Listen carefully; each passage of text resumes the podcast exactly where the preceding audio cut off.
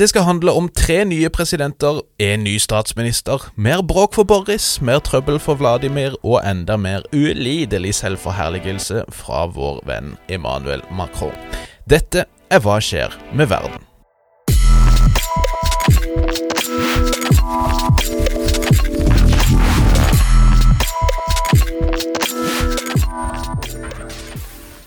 Hei og hjertelig velkommen til en ny episode av podkasten Hva skjer med verden? Denne podden for deg som er interessert i det som foregår innen internasjonal politikk, krig, fred og røre. Et sted midt innimellom der. Mitt navn er Bjørnar Østby. Med meg har jeg som alltid min gode kompanjong Nick Brandal. God mandagsmorgen, Nick. God mandag, Bjørnar. Og denne mandagen skal jeg begynne med noe jeg nesten aldri har gjort før. Okay. Jeg skal gratulere Liverpool FC med den fantastiske seieren som betyr at de nå er emiratmester i fotball. Det er gjevt, og det, det er storsinnet, det, vil jeg si. Uh, uvant, men uh, Ja, altså Liverpool har jo tradisjonelt uh, vært sterkere i den såkalte ligacupen, eller som en Liverpool-spiller uh, kalte den på 1970-tallet, Donald Duck-cupen. Vi må jo også tenne et lite lys for, uh, skal vi kalle de kryptokameratene. Uh, ingen av oss kan verdens ting om kryptovaluta, og det er det kanskje egentlig ikke så mange som kan heller, eller? Jeg mistenker at det store flertallet, overveldende kanskje enda til, av de som handler i krypto, heller ikke forstår noe som helst av krypto.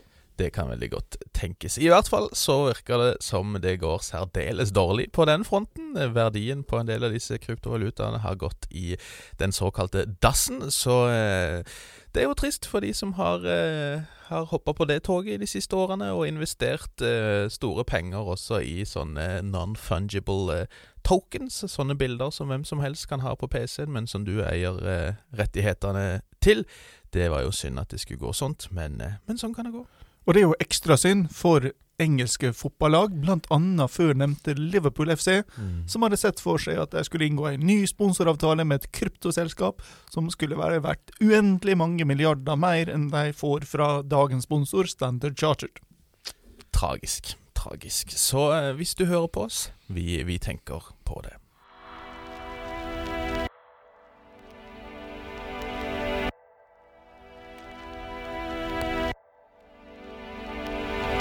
Vi har som vanlig nok av nyheter å gå gjennom fra eh, de siste dagene og uka som har vært, og vi kan jo kanskje starte i De forente arabiske emirater, som vi akkurat har snakka om. Disse emiratene som jo da eh, i praksis da eier Manchester City, for så vidt. Eller altså Abu Dhabi gjør vel egentlig det. De eh, eier jo rettighetene til denne FA-cupen og er jo involvert både høyt og lavt. Men nå har det vært et aldri så lite, skal vi si, eh, lederskifte. På papiret i hvert fall, om ikke i praksis.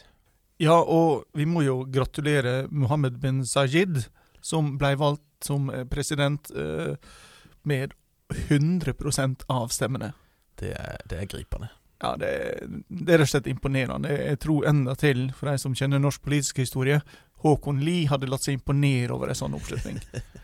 uh, nei, altså uh, Måten det blir stemt på i Emiratene, er jo at lederne for de sju Emiratene kommer sammen og stemmer. og Samtlige sju stemte altså på den samme eh, mannen. Yes. Og han overtok da etter halvbroren sin, eh, Khalifa bin Sajid, som døde på fredag etter langtidssykeleie. Mm. Og så kom det ikke som noe veldig stort sjokk, eh, fordi i praksis hadde jo bin Sajid vært fungerende president eh, ganske lenge. Ja. Og eh, det er jo også han som har vært den sterke mannen i i omlegginga eller omplasseringa av eh, Emiratene som en aktør i regionen, bl.a. med disse Abrahams akkord-tilnærmingene til Israel, og at de har gått inn i denne Saudi-ledede koalisjonen i Jemen. Mm. Ja, og, og, dette er jo en fyr som ofte kalles MBZ da, på folkemunne. Og eh, det er jo ikke en så veldig ulik dynamikk kanskje det vi har sett i Saudi-Arabia, hvor eh, den mye omtalte MBS, eh, kronprinsen, i praksis eh, opererer som, som leder, more or less, selv om han ikke er det på papiret. Det er vel litt det samme vi har sett i Emiratene nå, men nå er det jo mer da, skal vi si, formalisert, det hele her. Men vi har flere gratulasjoner på vei. Ja, vi er rause.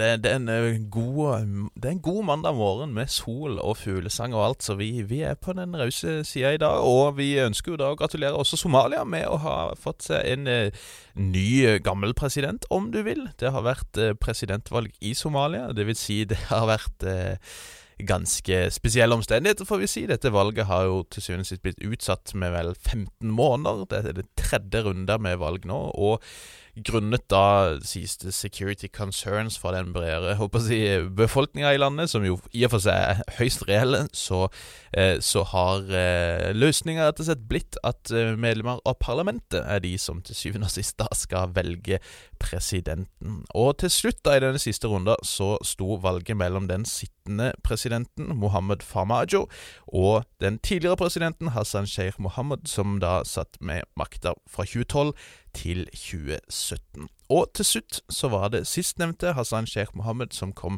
seirende ut av dette valget. Av eh, 328 medlemmer av parlamentet så var det 327 som stemte. Tre av de skal ha stemt blankt, eller visstnok liksom ødelagt stemmesedlene, eller et eller annet. Så til slutt så endte Mohammed da eh, med å vinne to, med 214 stemmer mot 110 stemmer til Farmajo. Og eh, jeg skal virkelig ikke late som jeg kan mye om somalisk politikk, for det er et veldig innfløkt system og mange ganske uoversiktlige dynamikker. Men jeg ser jo det er ganske mange i Somalia og rundt Somalia som virker å være ganske letta for å tilsynelatende i hvert fall bli kvitt eh, da tidligere sittende president Farmajo, som, eh, som har eh, blitt sett for å være mer og mer autoritær. Han har lagt seg ut med de fleste, inkludert sin egen statsminister, som er litt av grunnen til at dette her har blitt utsatt så lenge. Det har vært kniving de imellom lenge. Han har eh, alliert seg mer eller mindre formelt med Abiy Ahmed i Etiopia og Isaiah Afwerki i Eritrea, og gis jo skylda da for at massevis av somaliske unge menn har kjempa i krigen i Etiopia og blitt drept der, osv. Um, så jeg ser jo en del i regionen som tenker good riddance, og, og at uh, om det så er et ganske så svakt demokrati, kanskje, så har, i hvert fall, uh, så har det i hvert fall vært en, en fredelig til syvende og sist, eller i hvert fall fredelig-ish, maktovertagelse her. Og det er jo uh, en veldig god ting, får vi si. Og så får vi jo bare ønske, ønske lykke til på veien videre. Og når vi er inne på politiske comeback, eh, forrige episode så var vi jo innom valg i, på Filippinene, og muligheter for et Marcos-comeback. Og det ble det. Eh, det ble faktisk et valgskred.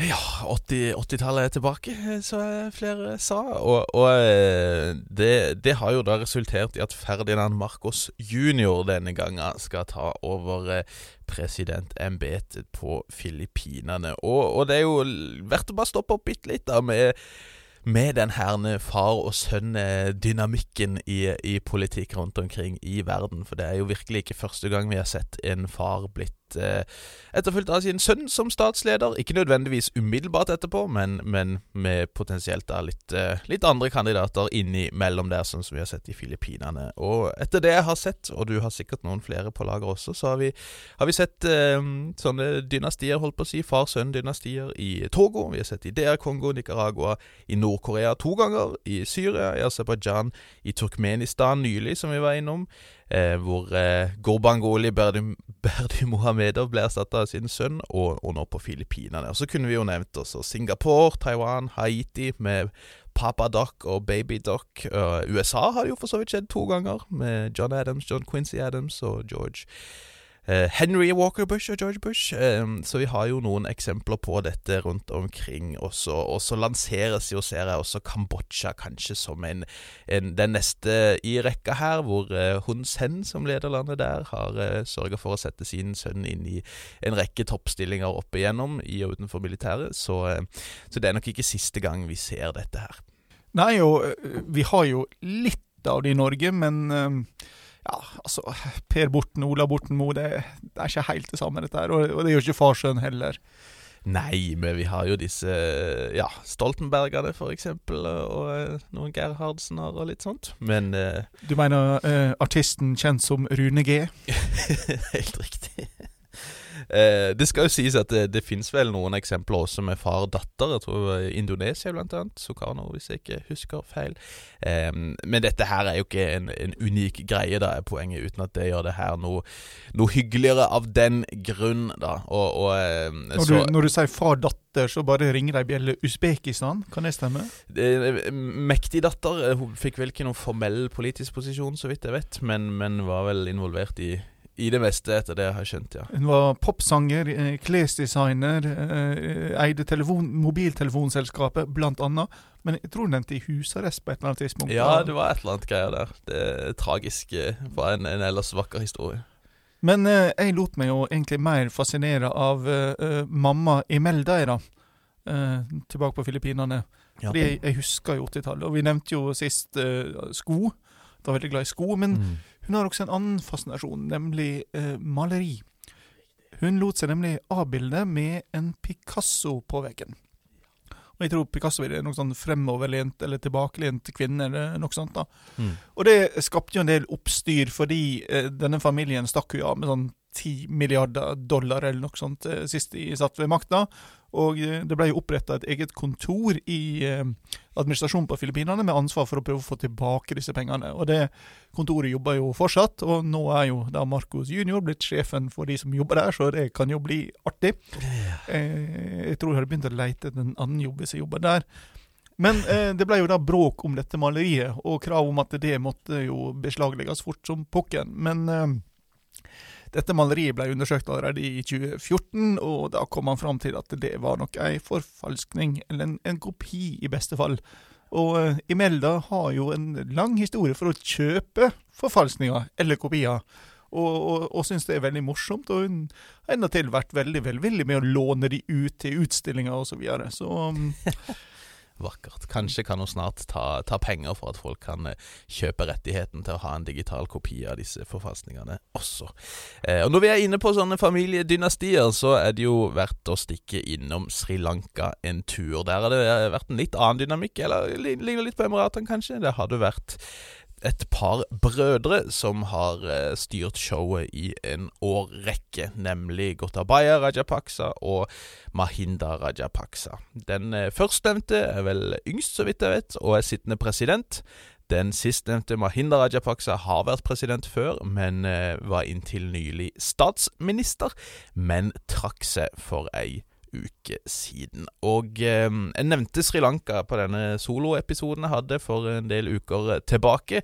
Det har eh, vært eh, svært så urolig på Sri Lanka ei eh, stund nå, og, og ehm, siden april så har situasjonen vært veldig anspent, og, og, eh, folk som kan mye mer om Sri Lanka enn meg, vil sikkert peke på mange forskjellige kilder til disse, um, denne uroen, men, men uh, mer sånn umiddelbart så, så, virker jo problemet å være at denne økonomien står i en fryktelig dyp økonomisk krise. Til dels, altså myndighetene skylder på covid-pandemien og mangel på turisme. Andre vil peke på at eh, regjeringa har innført eh, skattekutt som har eh, fått eh, store konsekvenser for økonomien videre. De vil påpeke at eh, myndighetene har tatt på seg enorme lån og enorm gjeld, eh, og når etter hvert da reserver utenlands har eh, eh, slutta å være verdt noen ting, omtrent, så, så står de i en situasjon som er fryktelig vanskelig for sivile, der eh, rett og slett prisene for eh, på helt basale goder er ekstremt høye og, og vokser stadig, kombinert da med, med strømmangel og så videre og så videre. Og eh, i den liksom, løpet av den, den, drøye siste uka da, så har jo ting eskalert ganske betraktelig, får vi si. Eh, og, og, etter uro um, så har til slutt da statsminister inntil nylig statsminister Mahinda Rajapaksa beslutta å gå av. Mandag da for ei uke siden, og med det så ble også hele regjeringskabinettet oppløst. Og så håpte de sikkert at det kanskje ville roe situasjonen noe. Men det har det ikke gjort. Det har eh, fortsatt vært uro. Det har vært ganske så massive opptøyer, som blant annet da har eh, involvert sammenstøt mellom forskjellige typer eh, gjenger og, og, grupper som da enten har inntatt en skal si, prostatlig posisjon, eller, eller mer antistatlig. Ni har blitt drept, etter det jeg har sett. Myndighetene innførte på et tidspunkt eh, portforbud, selv om det har blitt opplyst, så vidt jeg vet. Men det som kanskje har vært mest slående, er jo at eh, demonstranter har stått for masse angrep mot parlamentsmedlemmers eiendommer og eiendeler, får vi si. Og, og, jeg ser jo en del når det snakkes om eh, folk i USA som går og demonstrerer utenfor eh, boligene til høyesterettsdommer og sånn, så peker de til Sri Lanka og sier dette her er sånn som det kanskje kunne vært. Der har 50 hus, så vidt jeg har sett, til parlamentsmedlemmer blitt brent ned. Folk har dumpa bilene til parlamentsmedlemmer på sjøen osv ganske så uh, utvetydig kritikk, får vi si, av, uh, av, politiske eliter der. Og så har det ikke heller blitt bedre av um, at har at, at, presidenten utnevnte en ny statsminister, en kar som heter Anil Wikra Mesinge som eh, har vært statsminister fem ganger før, faktisk. Eh, dette er jo da altså bare den sjette gangen han sitter ved roret som statsminister. Han har visstnok aldri fullført en periode før, etter det jeg har sett, eh, men blir vel sett for å være en ganske sånn safe hand og en fyr som er lojal til disse brødrene. Og det har jo ikke akkurat beroliga de som var fed up med myndighetene fra før. Så, så jeg, ja, det virker ikke som, som, folk har sånn kjempetro på at det skal løse så veldig mye. Men denne nye statsministeren er da i gang. I helga ble det meldt med å utnevne et nytt kabinett. Og så eh, Han har jo innrømt at landet står i en dyp krise, og de må prøve å forsøke å få løst dette her. Men uh, det, det, virker som frustrasjonen begynner å bli ganske ekstrem nå, og det kan man kanskje forstå gitt, uh, gitt de ganske ekstreme omstendighetene også. Og så skal vi tilbake til Europa, og første stopp er Tyskland, nærmere bestemt Nordrhein-Westfalen. Um, dette er jo faktisk en, Tysklands største stat, delstat. 18 millioner innbyggere, en stor del av økonomien. Altså I europeisk sammenheng så er jo dette nesten sånn senter av, av Europa på, på, mange måter. Og det er jo sånn lite kjent faktum at I 9.4.1940 så ble ikke Norge invadert av Tyskland, vi ble invadert av Nordrhein-Westfalen. altså, eh, det var der troppene kom fra, og det var der ledelsen i, i Wehrmacht eh, kom fra. Men eh, det til side. De hadde altså eh, valg nå i helga, og resultatet der er interessant fordi det peker mot noen potensielt større trender. Og den første og mest åpenbare der er jo at Det grønne partiet gjorde det veldig godt. De fikk 18 eh, og de gjorde særlig godt i en del av disse sentrale byene, som Köln, Aachen, Münster og Bonn. Og, og, det gjør de altså i et område som er sånn sterkt industriområde. Eh, med tilknytning til ja, altså den gamle produksjonsmåten, der man skulle tro at grønt skifte ikke nødvendigvis spilte så veldig godt. Og i en situasjon der strømprisene er veldig høye. Eh, men dette følger da etter at Det grønne parti har gjort det bra i andre valg i Tyskland, og vi så også det samme i Storbritannia. Slik at denne grønne bølga i en situasjon der vi da som sagt har høye strømpriser, er, er interessant, for det virker som om det grønne parti har lykkes i å selge ei fortelling om at vi nå må komme oss bort fra avhengigheten av olje og gass, som har gjort det mulig for Putin ja. å eh, og, og sette Europa nærmest i et sånn uh, feilertak. Mm. Uh, også den andre uh, trenden der er at fløypartiene, ekstrempartiene, gjorde det dårlig. De gikk tilbake igjen. Altså, Ni av ti stemte på sentrumsparti. Og uh, for ved siden av De grønne så var det da de konservative i CDU, altså den, de nordtyske protestantiske konservative, i motsetning til katolikkene i Bayern i CDU, som da ble det største partiet. Og eh, det ligger jo nå an til at vi da enten får en sånn eh, svart-grønn koalisjon, eller vi kan få, for de som har eh, hørt på oss før snakke om Tyskland, Jamaica, hvis de også tar med liberalerne i FDP. Yes. og så, Dick, så har du skrevet, og dette, dette liker jeg, for det tror jeg veldig på, denne beskrivelsen. Boris Johnson har gravd seg ned i Europas nest dypeste hull. Ja, det, gre, gre ut. det dypeste skal vi jo komme tilbake til i siste del. Ja, Den her si. går jo til, til Vladimir. Det, det. Men uh, det nest dypeste, det er altså Nord-Irland.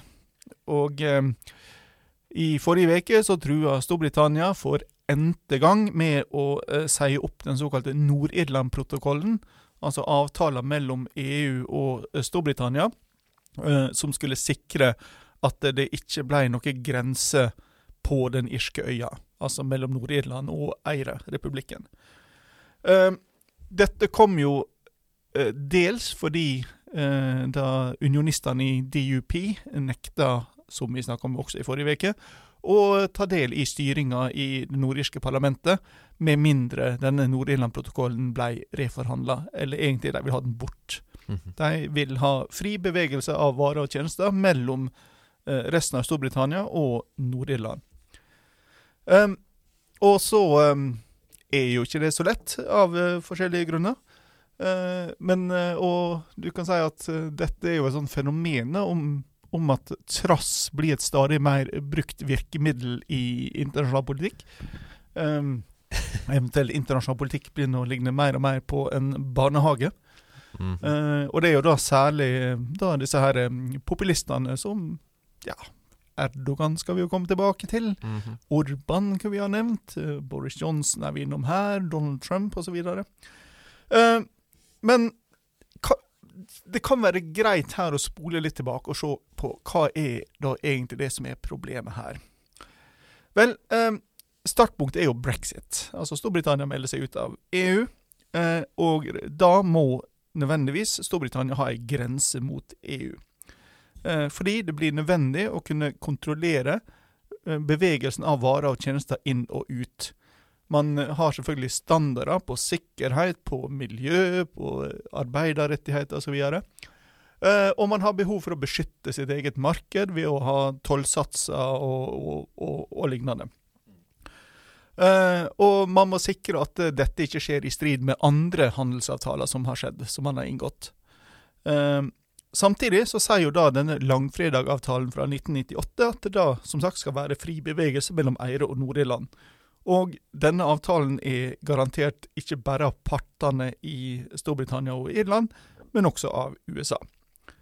Eh, og eh, problemet som kommer her, skal komme litt tilbake til, det er jo da at USA er jo den Storbritannia nå må inngå en ny handelsavtale med, det viktigste landet, fordi de er ikke lenger en del av EU sin handelsavtale med USA. Eh, Storbritannia har jo begynt å reforhandle noen av avtalene, blant annet har de fått på plass en med Australia, men USA som det viktigste landet gjenstår. Ja. Og Boris Johnsons løsning på dette problemet var da altså å innføre å inngå Nord-Irland-protokollen, som plasserte grensekontrollen i Irskesjøen, altså mellom Nord-Irland og resten av Storbritannia. Og bare for å ta det, pro- Problemet ligger jo i at Irland er EU, og Storbritannia ikke er det. Ja. Uh, og dette hadde han jo da lova de irske unionistene at eh, det var uaktuelt, kom aldri til å skje. Eh, når det så skjedde, så har det jo naturlig nok ført til ganske stor misnøye i Nord-Irland eh, på unionistsida, og det har bidratt til den, det økte konfliktnivået som vi har sett, både i parlamentet, men, men også blant eh, på gatene, rett og slett. Det er mer frykt for at det kan bli vold i Nord-Irland nå enn det har vært på ganske lenge, egentlig siden eh, langfredag-avtalen ble inngått. Eh, og, det, og, og det har jo også skapt en frykt for at det dersom dette vedvarer, altså handelshindringer mellom eh, Nord-Irland og, og, Storbritannia, så vil det presse seg fram ei irsk gjenforening. Eh, så har protokollen hele tida vært gjenstand for forhandlinger og endringer og tilpasninger, der EU stort sett har løst, løst opp på restriksjonene for å legge til rette for at det skal fungere mer smidig. Eh, dette gjorde de kanskje mest, uh, mest omfattende var på medisiner, der de sørga for at dette kunne gå uh, nokså friksjonsfritt. Problemet handler dermed ikke om hva som blir transportert over Irsk- Irskesjøen og hvordan, men at det til sjuende og sist er EU som bestemmer reglene for, for dette, og som bestemmer når noe er i, i, i strid med protokollen. Eh, og dette handler jo om EU sitt behov for å beskytte det indre markedet. Altså integriteten til det indre markedet, og også å sikre for at det, ikke kommer inn produkt som ikke holder nødvendig standard for miljø og arbeidstakerrettigheter og sikkerhet osv. i det store og hele. Dette er dermed noe som EU ikke kan gi etterpå. Altså, De må til sjuende og sist ha det siste ordet med hva som bryter med eh, deres standarder som kommer inn. Eh, Samtidig så er dette det punktet der brexit-tilhengerne ikke kan gi etter, fordi brexit handler jo om å ta tilbake kontrollen. Um, og dermed så sitter, sitter du da i dette hullet.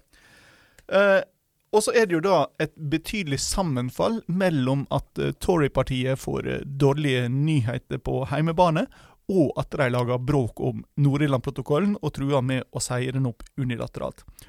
Og, og dette er jo da sånn forsøk på å vekke til live brexit-koalisjonen for, for å redde seg sjøl. Eh, de, det er jo dette de bruker, sammen med at de sier at de skal privatisere BBC og, og, og Channel 4 osv.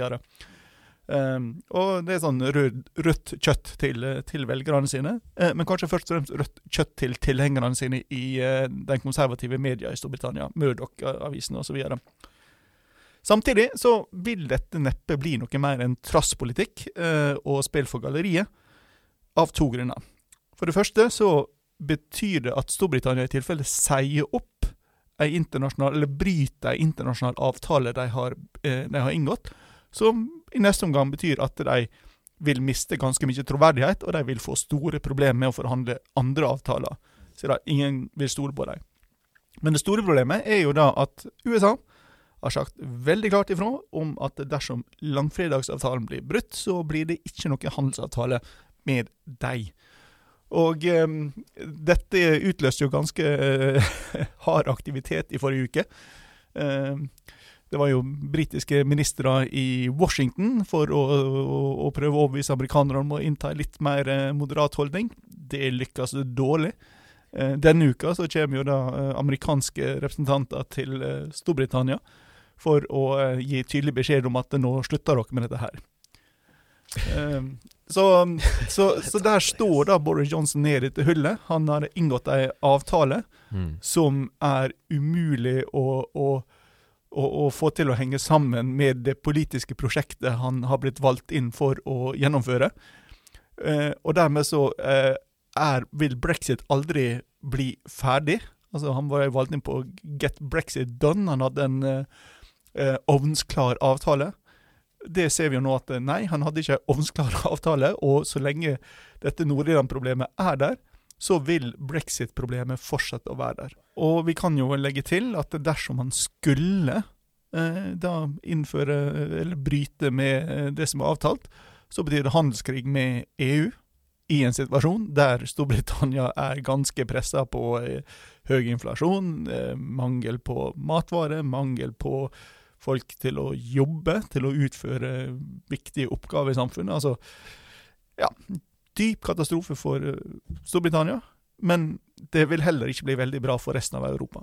Nei, og, og når, vi, når vi er inne på ting som skjer et sted, som får store konsekvenser for ting som skjer andre steder, så, så har vi jo tidligere vært inne på, på denne problematikken som har å gjøre med korneksport, og hvordan krigen i Ukraina har eh, fått veldig store konsekvenser der, gitt at Russland og eh, Ukraina er noen av verdens største eksportører av korn og hvete osv.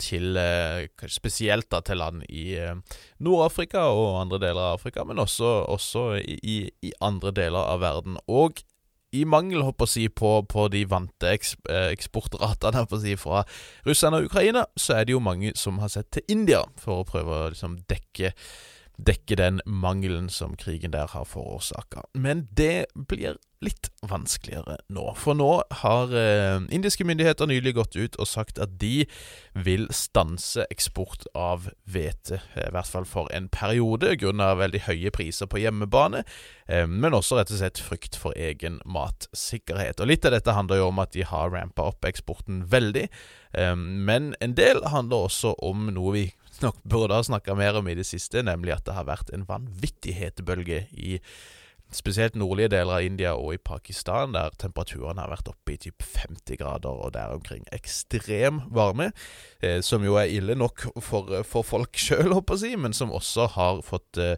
veldig kjipe konsekvenser for kornavlinger, hvete og sånn som jo i seg sjøl har, har ødelagt håper jeg, si, for, for en del av eksporten. Det er snakk om at i noen områder så er kanskje 50% av avlingene ødelagt, rett og slett.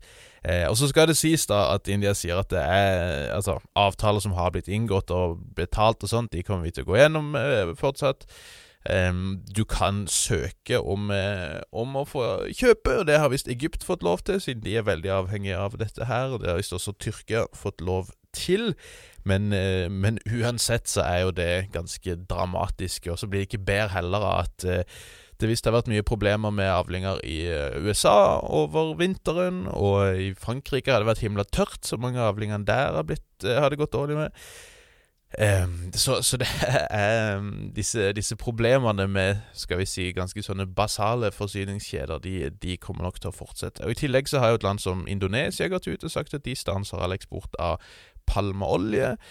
Så det er flere, flere viktige eksportland nå som uh, rett og slett virker å forsøke å beskytte sine egne, om ikke økonomier, så i hvert fall egen matsikkerhet i, i møte med disse utfordringene her. Eh, vi, vi, må vel en tur til, eh, til det lovede land, eh, Nick, og til eh, spesifikt dette drapet eh, på en Al-Jazeera-journalist.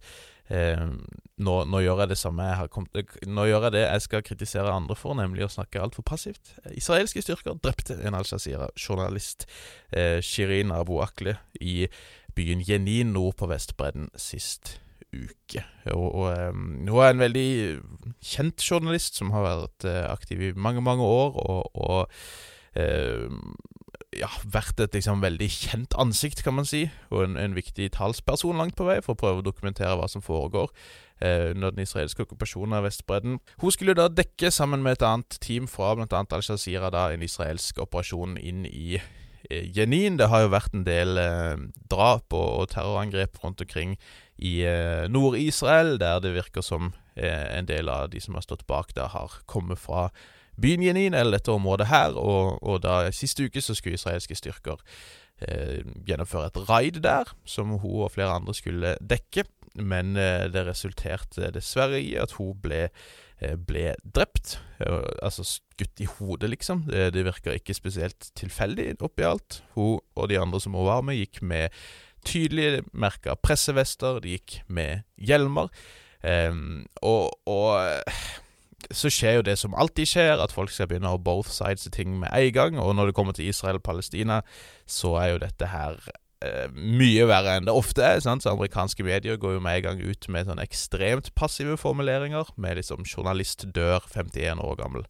Eh, som om de liksom spaserer inn i et kuleregn omtrent, heller enn at de aktivt blir blir beskutt. Israelske myndigheter går så klart ut og sier at det var palestinerne som skøyt henne, og at de alltid lyver, um, fordi at det var filmer der der man ser uh, palestinske unge menn som skyter um, nokså ukontrollert rundt gatehjørner osv. Men sant, så, så tar det veldig kort tid før håper å si, folk som på hobbybasis nærmest sitter og, og gransker eh, bilder og satellittbilder for å prøve å finne ut hvor ting foregår, som ganske raskt kan etablere at det er veldig lite sannsynlig at palestinere skjøt på henne. Det er veldig sannsynlig at det var israelske styrker som skjøt i den retninga der. Det tenker jo jeg journalister også bør etterstrebe å gjøre på egen hånd, heller enn å med en gang si at det var Altså Med en gang bare si at dette skjer tilfeldig, eller si at dette er clashes eller sammenstøt eller vold brøt ut eller lignende, heller enn å, enn å faktisk gi folk agency oppi alt dette her, da. Eh, og, og, altså eh, det, det kanskje mest skammelige er jo at det er masse andre journalistkolleger som er der og ser det mens det skjer, men som ikke blir trodd på. Eh, antagelig fordi Al-Jazeera blir eh, anklaga for å være veldig pro-palestinsk av eh, Israel. Vi så jo dette Eh, tårnet, eller tårnet hvor Al-Jazeera hadde kontor, ble, ble bomba eh, under de forrige, forrige krigen, holdt jeg på å si, på Gaza eh, i fjor. Så så blir det jo ikke bedre av at, eh, at israelske uh, sikkerhetsstyrker raider hjemmet til henne ganske kort tid etterpå. Og så, når man da skal prøve, om ikke annet, hvert fall kunne ha litt verdighet eh, når man skal markere begravelsen, så blir jo også den ødelagt av israelsk politi, der de regelrett går til angrep på de som på gravfølget, som bærer kista hennes, denger løs på disse her. Og altså Som vanlig så kommer jo så klart Israel med all verdens slags tull om at det var folk som kasta steiner, og vi var nødt til å gripe inn. Jeg har sett mye på disse filmene, jeg kan ikke se en eneste kjeft som kaster noen steiner. Eh, men det du kan se, er opprørspoliti som, som eh, rykker mot dette gravfølget så fort de går ut av et bygg på vei mot eh, kirka hvor hun skulle bisettes, og denger løs på de som bærer kista, sånn at de nesten holder på, eh, på å miste denne her i bakken på et tidspunkt. Det er liksom eh, noe av det nedrigste jeg har sett, tror jeg, og det, det er en ganske lang liste med graps som eh, israelske sikkerhetsstyrker har, har, stått for opp igjennom. Og før folk sier 'jo, jo, men hvorfor snakker dere ikke om det Palestina har gjort'? Ja, det har vært masse drit på begge sider. Det, det handler ikke om det her. Men, men, dette viser jo på en måte hvor, eh, hvor totalt ydmykende mye av denne her okkupasjonen er, og, og antagelig er, er, ment å være også. Ja, og den viser jo også hvor um, moralsk korrumperende den er på begge sidene. Altså, det er ingen som har uh, Som kan gjøre seg verken uh, høye og mørke eller moralske og etiske uh, høyverdige her. Det er mer enn nok med overgrep, forbrytelser og nedrige handlinger til å fordele ut på absolutt alle partene. Mm, men det er jo der som vi snakka om i denne lange episoden vi hadde om eh, den siste Vi kan vel godt kalle det en krig på Gaza, da, men siste, siste runder med krigføring, i hvert fall der. At, at eh, all den tid det er sant, så må man også på en måte snakke om de enorme asymmetriene hva gjelder maktforholdet her, da, hvis man skal kunne snakke om dette på en, eh, en måte som analytisk sett er så rimelig som mulig, tenker jeg.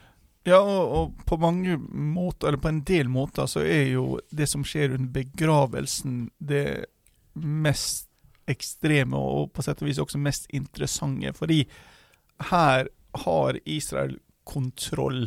Altså, israelske staten har kontroll. Eh, de har, altså dette, de vet hva som skjer, de kan planlegge for det på forhånd.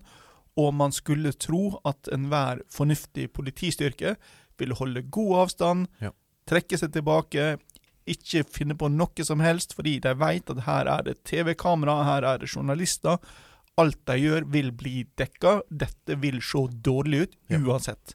Ja. Og likevel så velger de ikke gjøre det. Og det sier noe om hva de mener er akseptabelt. Ja. Hva, igjen, der er vi tilbake i denne korrumperinga.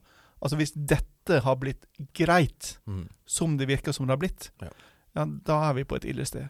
Ja, og, og sant, eh, det har jo vært snakka mye om at ja, ok, fredsbevarende styrker, greit, det er kanskje grenser for hvor vellykka de har vært i, i, visse deler av verden, men man har gjerne snakka om at når det kommer til FN-operasjoner i, uh, i, og rundt si, Israel-Palestina, om det er på grensene til eh, Libanon eller hvor det skulle være, så har i hvert fall tanken vært at ok, om ikke annet så er det i hvert fall ekstremt viktig her å styre narrativet, på en måte.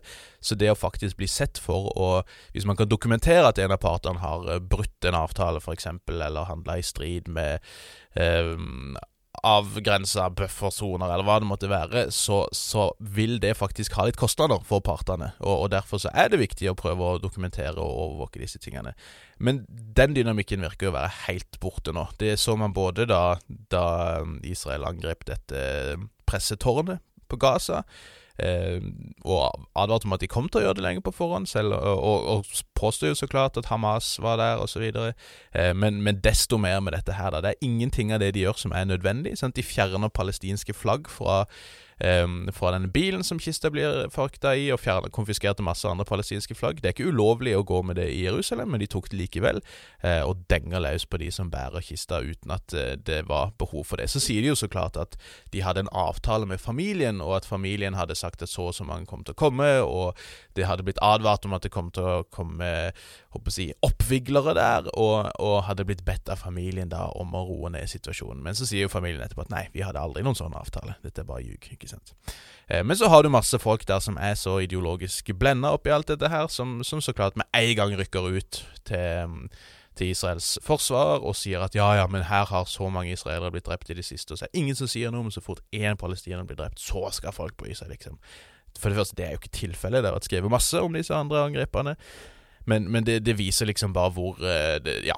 Det, det, det, viser, er jo en kultur med straffefrihet, eller impunity, som det heter på engelsk. At du kan gjøre basically hva du vil. Det kommer ikke til å få noen konsekvenser for det, fordi at dette her er statlig policy vis-à-vis palestinerne.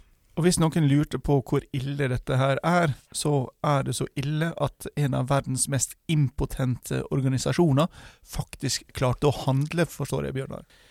Til og med Sikkerhetsrådet greide å samle seg om en kritikk, ja, utrolig nok. Og så skal vi ikke overdrive hvor, hvor enstemmig dette her var. De kom jo med en uttalelse. Eh, på den ene sida da, så, så eh, jeg tror det var Reuter som hadde blitt fortalt at eh, Kina og Russland hadde pressa igjennom at man måtte fjerne noen formuleringer som handla om at journalister måtte beskyttes, og at pressefrihet var viktig. Um, så det ble til at journalister må beskyttes som sivile, liksom. Og det, det blir jo et veldig generelt prinsipp. Eh, men så sier eh, visstnok medlemmer av den kinesiske delegasjonen at de prøvde å få USA med på å liksom name og shame og si at de fordømmer Israels handlinger, eller israelske sikkerhetsstyrkers handlinger, men det blir ikke USA med på. Sant? Så da, da, blir det et sånn eh, laveste felles minimumsgreie, men, men eh, bare at det i det hele tatt skjer, er jo eh, er jo noe, da. Men, men som sagt, det, vitner jo om en, en eh, kultur der, eh, der ting stort sett ikke får konsekvenser, og det tenker jeg er noe folk bør ha med seg når man snakker om Israel som det eneste demokratiet i regionen, og så videre. Og bare for å ta det før noen arresterer oss på disse tingene det er jo en rekke menneskerettighetsorganisasjoner som har gått ut og mm, kalt Israel en apartheidstat i seinere tid, men noen av de første som gjorde det, var faktisk israelske menneskerettighetsorganisasjoner, som Betzelem blant annet. Så har vi sagt det. Så kan vi avslutte denne delen her med en eh, Vi kan kanskje ikke kalle det en gladnyhet, akkurat, men, eh, men, vi kan si at lista over eh, ettersøkte etter folkemordet i Rwanda, den lista blir stadig kortere. Vi har jo, for de som har fulgt oss en stund, så har vi snakka om Det var vel tilbake i 2020, hvordan en kar som het Felicien Kabuga ble arrestert i Frankrike i 2020, da eh, mann som eh, har vært den skal vi si, største fisken som eh, denne tidligere Rwanda-domstolen har vært på jakt etter. Han ble sett på mann, eh, som mann som langt på vei finansierte dette folkemordet, og ble jo da funnet i Frankrike, som en del andre skurker fra den tida har blitt. Og etter han ble tatt, så har det vel vært til sammen, tror jeg, seks stykk igjen, der det har vært én av de som har vært en slags sånn top fugitive, om du vil, en topp rømling. Og det var en kar som het, eh, jeg vet ikke helt åssen du sier det, Protai, tror jeg kanskje, Piranha. Proteis, eh, for de som lurer på hvordan det staves. En mann som da har vært kommandør for presidentgarden. Og for de som ikke kjenner så godt til folkemordet i Rwanda, så var jo presidentgarden en veldig viktig maktfaktor i dette her. De sto for eh, spesielt noen av de første drapene mot moderate Hutu-politikere og mot Tutsi-ledere, og sto for drap på ti belgiske FN-soldater. Og denne mannen her har da blitt eh, sikta for eh, folkemord og planer for å gjennomføre folkemord osv. på bakgrunn av sin rolle i disse operasjonene her.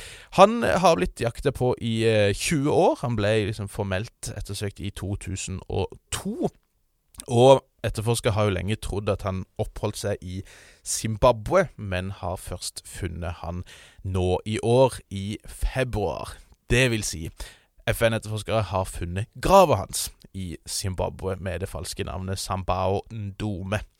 Og Grunnen til at vi snakker om dette nå, og ikke i februar, er at det nylig da eh, Nylig så fikk FN-granskere lov til å faktisk grave opp liket hans sitt, gjennomføre en DNA-analyse, og de fikk til slutt bekrefta at denne mannen virkelig var piranha, den mest ettersøkte krigsforbryteren internasjonalt. Denne storyen de har greid å lappe sammen til slutt, det tyder på at han døde i 2006, faktisk. Eh, for ganske så lenge siden av et hjerteinfarkt forårsaket av tuberkulose. Og nå så betyr jo det da at av alle de liksom store fiskene eh, som eh, som var blant var det 93 sikta totalt fra denne domstolen. De er gjort rede for. En del av de har blitt gjennomført saker mot. Noen av de er eh, i fengsel og skal dømmes, og andre har dødd. Eh, så nå er det, så vidt jeg kan se, kun fem, da, skal vi si, litt sånne mindre fisk som, eh, som gjenstår på denne lista.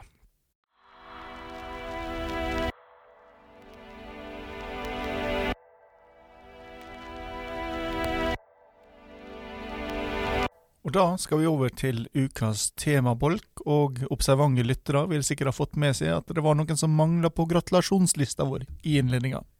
Ja, og det er vel ingen av oss som, som er noen sånne store eh, tilhengere, kanskje, av eh, Eurovision. Men eh, vi er i hvert fall rause nok til at vi sier gratulerer så mye med seieren til Ukraina.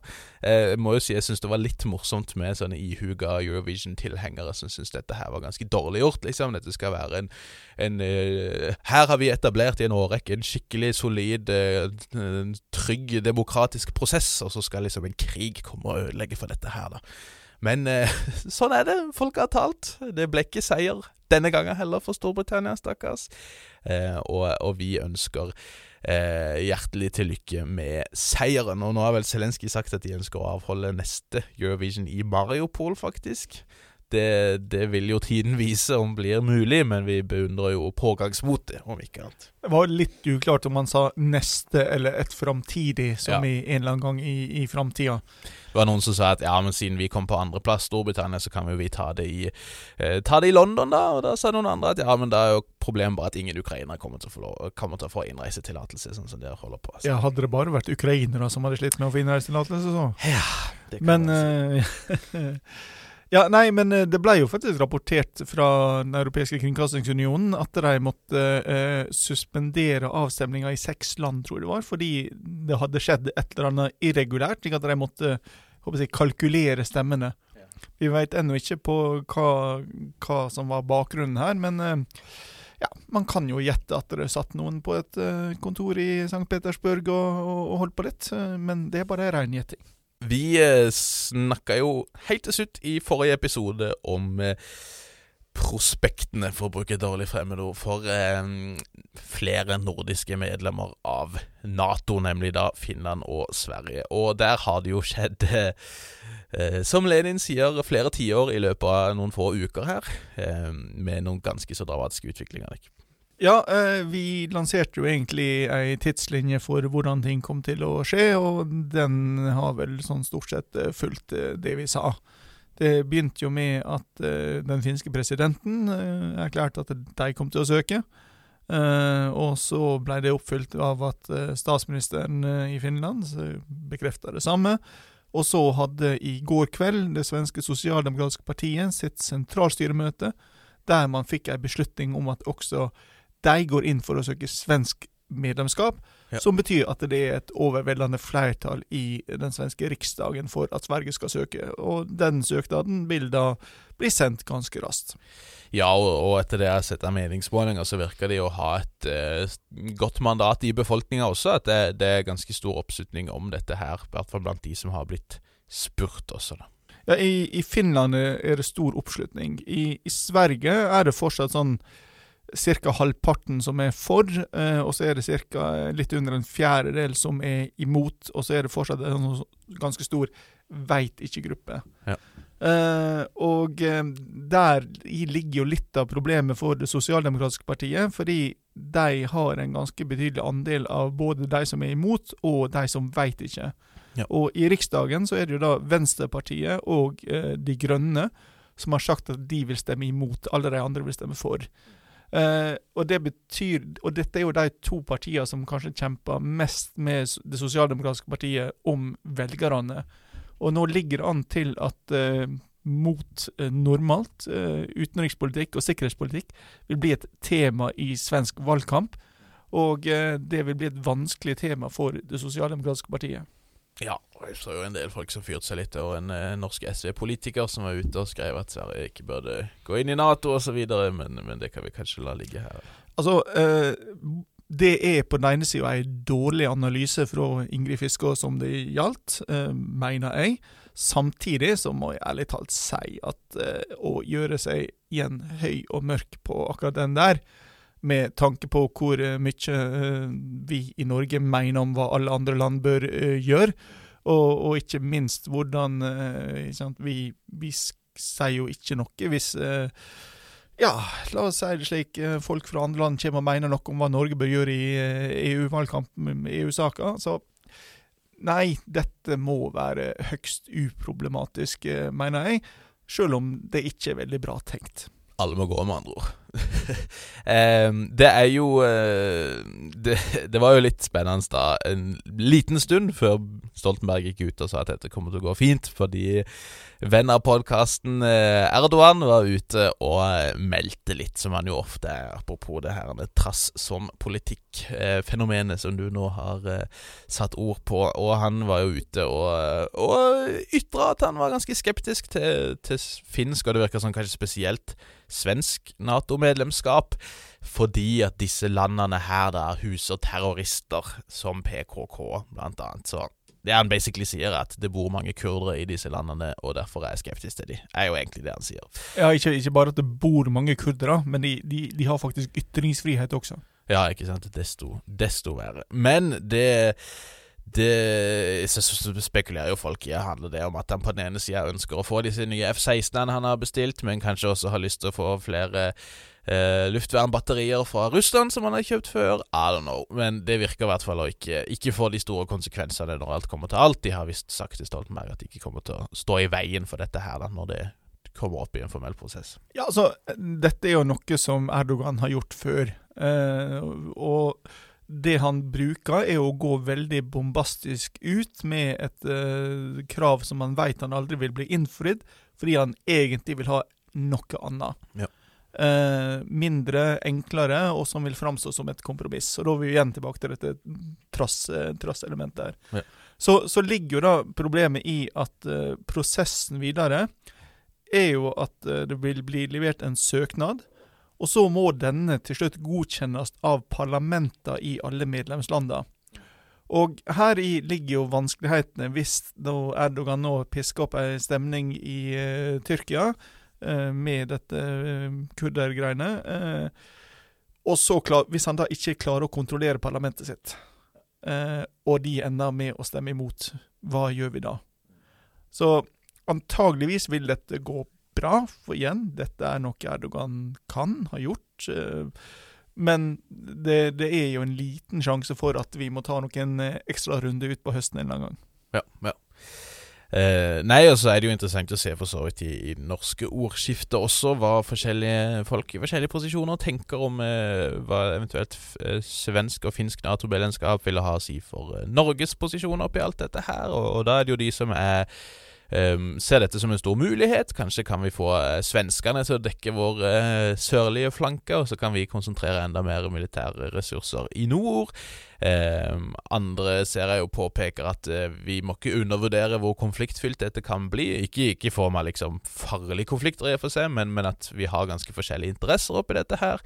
Norge ser gjerne mer til nordområdene. Sverige og Finland vil kanskje se mer i retning Østersjøen og på sine østlige flanker. Så, så liksom hvem som skal, skal si, innta en mer ledende posisjon her, da, er jo noe som kan, eh, kan skape litt turbulens, uten at det trenger å bli et stort problem, da.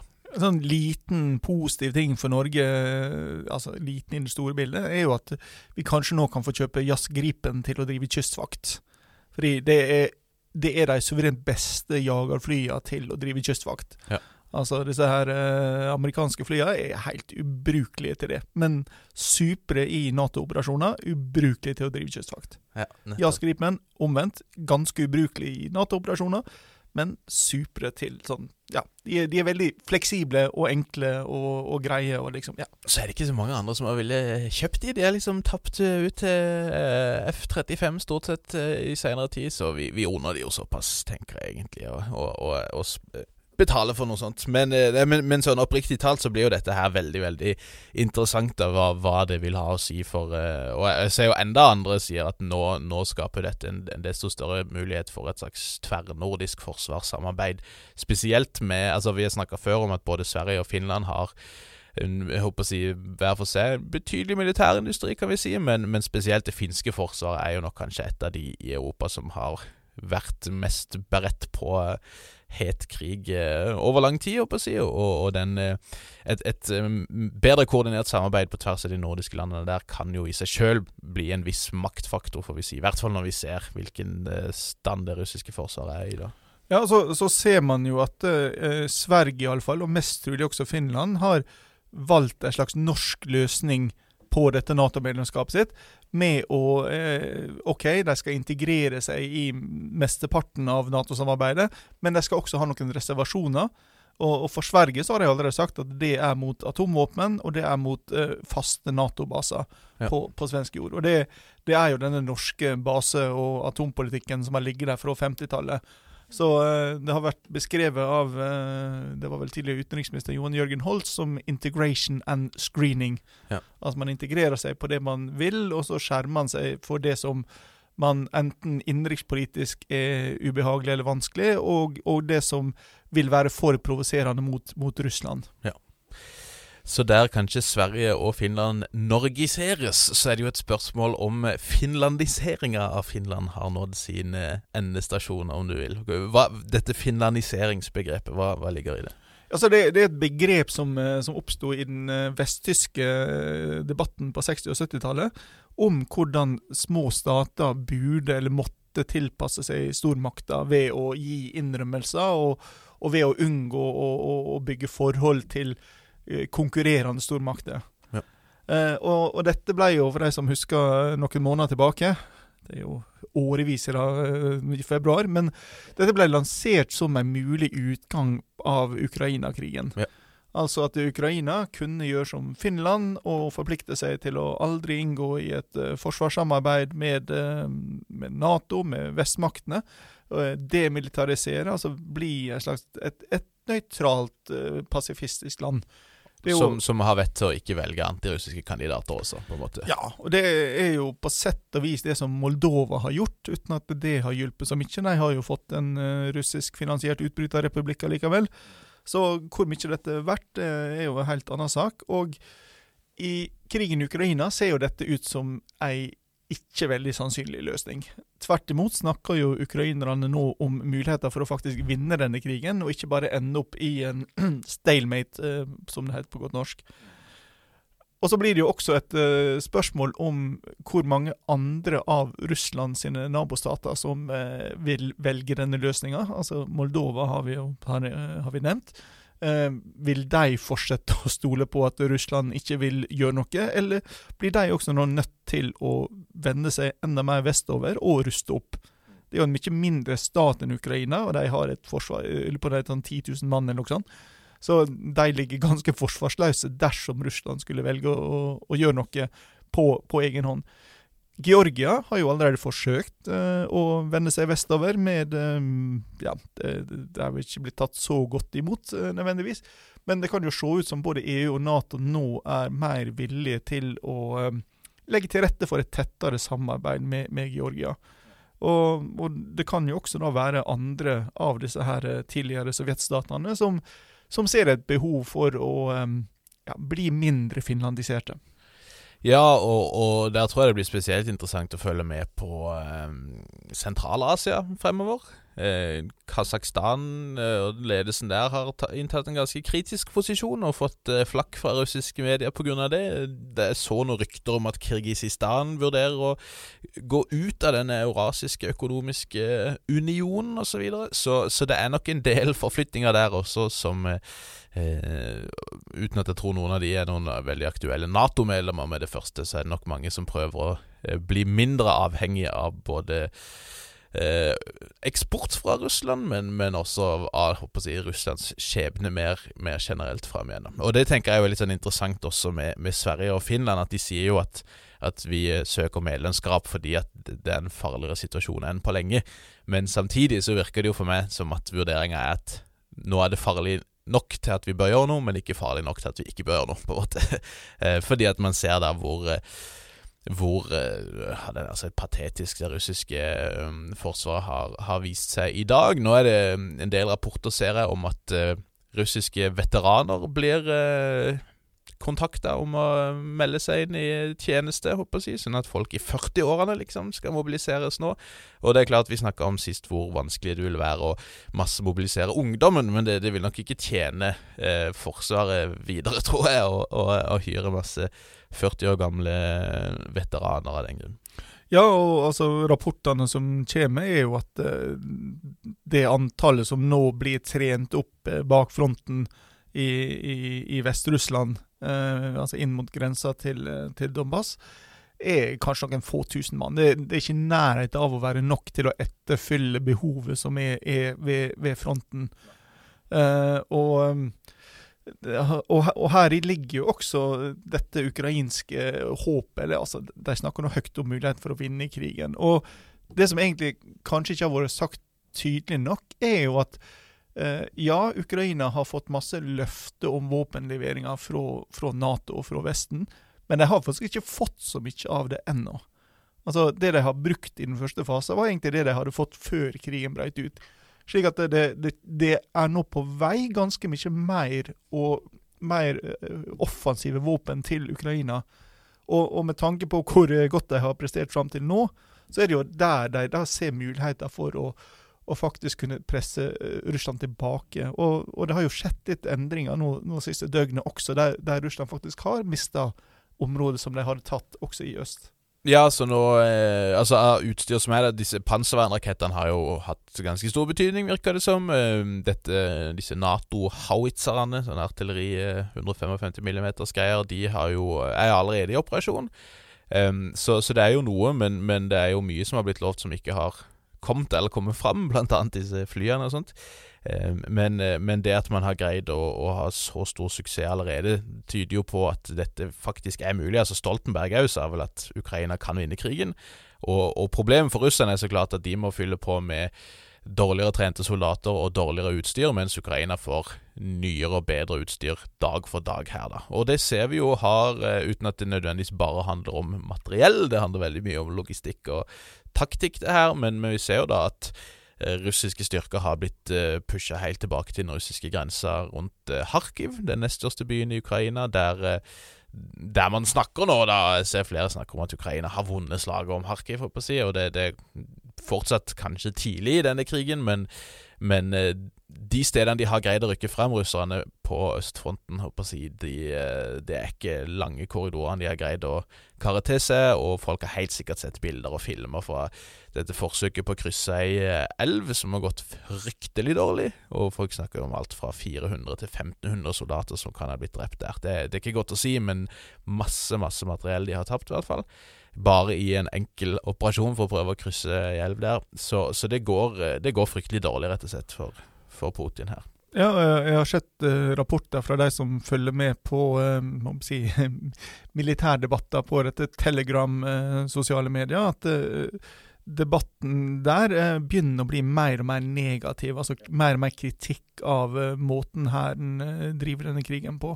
Og det, og det, ser også ut til at denne operasjonen med å, å, å, flytte styrkene til en sånn brei front, og som skal ta hele Donbas-regionen, altså rykke fram til grensene for, for Donbas, eh, altså disse to oblaster, da, at den nå har blitt nedskalert til at nå er det Luhansk man satser på å, å, å vinne, og så har man da mer eller mindre gitt opp eh, resten, altså å rette ut den, den grenselinja der. Og for meg virker det som at, at, det er en del sånn forsøk på å redde ansikt som kommer fra russisk hold også, når vi Lavrov var ute igjen og sa at vårt mål har aldri vært regimeendring, det er bare noe amerikanerne driver med. ok, så man skulle i Kiev der, liksom. Men, eh, men, det er ikke målet. De ønsker å, å befri ukrainere fra nazister, liksom, og, og eh, demilitarisere landet. Og klart, altså Folk har snakka om før, det har vi også, at hvis de tar um, dette stålverket i Mariupol, så kan de kanskje si at de har beseira nazistene i Azov-bataljonen, selv om det ifølge Zelenskyj nå er mange jøder som kjemper i disse områdene. Um, kanskje de kan bruke det eller et eller annet, men, men det er mangel på en liksom uh, spicy og, og uh, skal vi si eskalerende tale den 9. mai også, så virker det jo som at det er litt sånn forsøk på å kanskje forberede befolkninga på at dette ikke går sånn helt, uh, helt etter planen. Jeg så jo en, uh, en, kar på TV som var kjempekritisk til forsvarsminister Sjugo, og sa at det han driver med, er liksom på grensa til criminal neg negligence, som de kaller det på, uh, på, russisk. Altså at det er rett og slett så Han har rett og slett ikke gjort jobben godt nok. Det er systematisk neglekt omtrent av, av eh, både åssen utstyret funker og kommandolinjer og alt som måtte være. Og, og, han må gå, var vel egentlig det han sa implisitt. Så, så det, riftene begynner jo å bli tydeligere etter hvert her. Ja, så, så blir det jo også rapportert at det har skjedd ei forskyvning internt. Der da eh, FSB-etterretningstjenesten nå har blitt skyvd helt i bakgrunnen og fått nærmest skylda for at det har gått så dårlig. Altså, dette er jo de som har ansvaret for å drive med etterretning mot, mot utlandet og si, destabilisere regimet og sånt, som annet da eh, i, i Kiev. Eh, og Istedenfor så er det da GRU. Eh, det er jo sånn gammel James Bond-navn, hvis jeg ikke tar helt feil. Altså den militære etterretningstjenesten, som nå har fått, eh, fått ansvaret i, i, mye større grad. Det er jo interessant at noen, om ikke Putin prøver å lære, så prøver i hvert fall hans eh, undersått eh, Aleksandr Lukasjenko kanskje å lære litt. Han har vært ute og, og, faktisk sagt at han er mer eller mindre imponert av Ukrainas forsvar her, og, og antyder at vi må lære av hvordan de opererer. Og det er jo eh, bare den eh, siste da i en, en rekke utsagn som nok neppe Putin sjøl er så kjempefornøyd med, tror jeg. Nei, men han er jo ikke den eneste. Jeg ser jo veldig mange fra eh, Nato-land, offiserer særlig, som snakker om det samme. At uh, her ser vi kanskje en endring i måten vi må tenke om krig på. Og det handler jo om at uh, Russland, til tross for at de burde være suverent overlegne i lufta, ikke har klart å etablere luftherredømme i det hele tatt. De har ikke vært i nærheten av det. De har fått mindre kontroll over luftrommet i Ukraina i dag enn de hadde når krigen begynte. Og Ukraina har med ganske billige våpen, eh, ikke altfor mye ressurser, så klart å temme et av de største luftvåpnene i, i, i verden. Og, og, dette rokker jo ved en del forestillinger som ligger til grunn for, for Nato og, og USA sin måte å tenke krig på også. Fordi disse våpnene som de har brukt, er jo våpen som i praksis er tilgjengelige for nesten, nesten alle. Og så ser vi jo at uh, artilleriet har blitt langt viktigere. Altså, eh, det er artilleri som driver krigen nå, og som legger premissene på mange måter. Så det er jo, det er jo et åpent landskap. Eh, det er veldig vakt, vanskelig å gjemme seg. Paddeflatt. Eh, paddeflatt, men, og, og, vi begynner jo nå å nærme oss et slags sånn første verdenskrigsscenario. Mm -hmm. Der man graver seg ned i dype stillinger på hver sin side, og så driver man og bomber hverandre med, med artilleri. Eh, i håp om at det skal, skal føre til et, et slags gjennombrudd. Mm. Men vi kan jo avslutte med da at, at uh, vår venn Lille Napoleon, han, uh, han uh, må jo få ting til å handle om seg sjøl, da. Så Emmanuel Macron han la jo ut en av de mest cringy videoene jeg har sett på aldri så lenge, som han til og med måtte legge ut en liten teaser for på forhånd da han var ute på Twitteren sin, Twitteren sin og, og liksom hadde en liten trailer, og klokka seks i dag så kommer fullengderen. Men det er altså en film der eh, Emmanuel Macron og andre um, rådgivere rundt han sitter Sitter på forskjellige steder, bl.a. på hans presidentkontor, eh, og, og, diskuterer Ukraina. Og så har de da filma Macron når han er på telefonen med Zelenskyj og Putin. Og det er bare så ekstremt svulstig at man kan bli eh, matt. Men han sitter der og stirrer eh, tankefullt ut i rommet mens han liksom lytter intenst på det som blir sagt på den andre sida. Han snakker faktisk på engelsk da, og, og spør Zelenskyj om han er villig til å forhandle med Vladimir, og, og det, det, er han, sier han. Men eh, så, så, har det jo i ettertid kommet fra, fra Zelenskyj, der som har uttalt seg til forskjellige medier og sagt at Macron ville at Zelenskyj skulle gi fra seg territorium til eh, Russland for å ikke ydmyke Putin. Og det har jo Zelenskyj sagt at det er uaktuelt, og det har jo blitt massevis da av kritikk både av Frankrike og Tyskland i senere tid for at de liksom har, har implisert at det er måten å komme ut av dette på, og liksom selge ukrainsk suverenitet til, til Russland, nærmest. Um, og faktisk, uten at jeg har noe til overs for en kar som heter Solovjov, som er en av de vi ofte har snakka om når vi har snakka om russisk TV og galninger som sier mye vilt. Han er jo en av de som har sagt mest vilt, men han var ute og lanserte det han kalte et nytt politisk begrep som da på norsk betyr å gjøre en Macron. Og det betyr rett og slett å bare ringe og ringe og ringe, uten å egentlig ha noe formål med denne ringinga, da. Så, eh, og det er jo kanskje en ganske grei oppsummering, egentlig, av, av hvordan Macron har prøvd å sentrere seg sjøl oppi alt eh, oppi alt dette her. Så det, det er noe greier. Det er noe greier. Jeg skal utenlands ei uke, og du skal videre på ditt, så jeg tror vi må bare gi oss her. Men eh, vi får jo si tusen takk for følget som vanlig. husk å Vi sier som Al Qaidas leder, like and subscribe, og, og del med folk som kan være interessert og sånt. Det setter vi jo stor pris på. Så det er lov å sende oss spørsmål og kommentarer og ting på hva skjer med verden.no. Takk, Nick. Sjøl takk, Bjørnar. Takk for oss. Vi høres.